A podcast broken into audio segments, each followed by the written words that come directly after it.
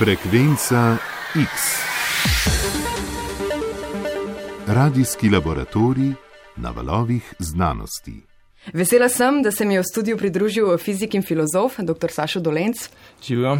Urednik Kvarkadabre, časopisa za tolmačenje znanosti in tudi eh, strokovni sodelavec naše poljudno znanstvene odaje Frekvence X. Eh, Sašo, eh, dobrodošel. Um, kaj je tebe najbolj fasciniralo v življenju uh, in delu Stephena Hawkinga, um, mogoče glavne prelomnice? Ja, vse, nekaj si že, že ti umela. Um, v bistvu so tri glavne prelomnice v njegovem življenju. Prva je ta, ki je pri 22 letih zbolel za um, hudo boleznijo, za katero, zaradi katere je postal hrom. Potem v začetku uh, 70-ih let 20. stoletja je prišel do te svoje najpomembnejše znanstvene teorije, ko je uh, s tem, da je splošno teorijo relativnosti in kvantno uh, fiziko nekako združil na um, primeru uh, črnih lukenj pokazal, da črne luknje v bistvu niso tako črne, mhm. kot um, so prej mislili, da sevajo. In, um, to sevanje se zdaj po njem imenuje Hawkingovo sevanje. No in potem še konec um, 80-ih let um, uh, je ena tretja ta velika prelomnica, ko je zdal kratko zgodovino časa, To je knjiga, ki je postala um, totalen bestseller. Mislim, da so prodali več kot 10 milijonov uh, izvodov in uh, z njo se je profiliral kot, tudi kot javni intelektualec. Tistim prvim odkritjem je postal znan v tem možem krogu znanstvenikov, ne, potem je postal še neka uh, mednarodna zvezda, um, ki je um, bi lahko rekel, da je bil en najbolj prepoznavnih znanstvenikov sploh. Ja, to je bilo leta 1988, izdal je kratko zgodovino časa. Um, zakaj po tvojem mnenju takšna uspešnica? Ja, um, to, to knjigo je pisal s posebnim občutkom za bralca. Um, zelo se je trudil, da je uporabil take metafore in prispodobe, da si, si bralci ustvarjali uh, lahko ustvarjali neko predstavo o tem, uh, o čem govori. Um, Marsika je tudi spust, tako da to ni neke vrste uh, uvod za nekoga, ki bi rad res podrobno razumel te, uh, uh, ta vprašanja, ne? ampak bolj odpira um, neko zanimanje. Ne? Zato je marsikoga.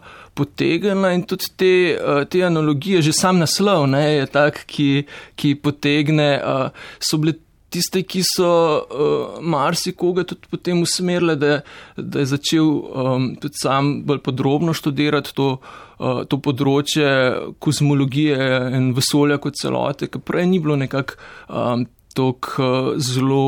Um, v širši javnosti poznano, pa tudi znotraj kroga samih fizikov. Potem, se, potem prišlo do neke renesanse tudi z, s tem, da so, so pač neke nove, meri, neke nove meritve prišle, da se je to vzpostavilo kot zelo, zelo plodovito področje znanstvenega dela. Mhm. Točno to, kar razlagaš, se mi zdi, da ne samo znanstveno, postal je tudi um, družbeno um, angažiran širše.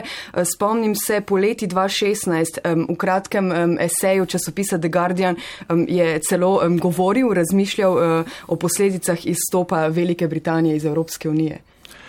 Ja, to, ta, ta svoj uh, status uh, medijske zvezde je um, zelo, zelo um, koristno uh, uporabljal, tudi tako, da se je opredeljeval do uh, pomembnih vprašanj. Ne. Recimo v nekem trenutku je podprl uh, javno zdravstvo, recimo v Veliki Britaniji, povedal, da uh, on ne bi bil več živ takrat, uh, če ne bi uh, imel dostopa do, do tega. Ne. In uh, zmeri bil pri teh svojih izjavah hkrati.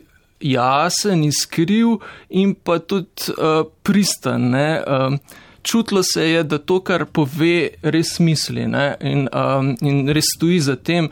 Se včasih se je tudi zmotil, ne? pa povedal, kaj, kaj se je kasneje skazal, da, da je mogoče bila neumnost, ne? ampak uh, to mu ni nekako z, zmanjševalo te teže kot um, res neke ugledne javne osebnosti. Mm. Um, Sašo, povej, če se strinjaš z mano, um, ko takole razmišljam, imamo čutek, da smo zdaj smrtjo uh, Hawkinga izgubili zadnjega, ne vem, univerzalnega misleca, um, ki ga morda lahko primerjamo z Nikolo Teslo ali pa um, Albertom Einsteinom, a veš, znanstvenik, ki ni samo avtoriteta na svojem področju, ampak ga pozna cel svet.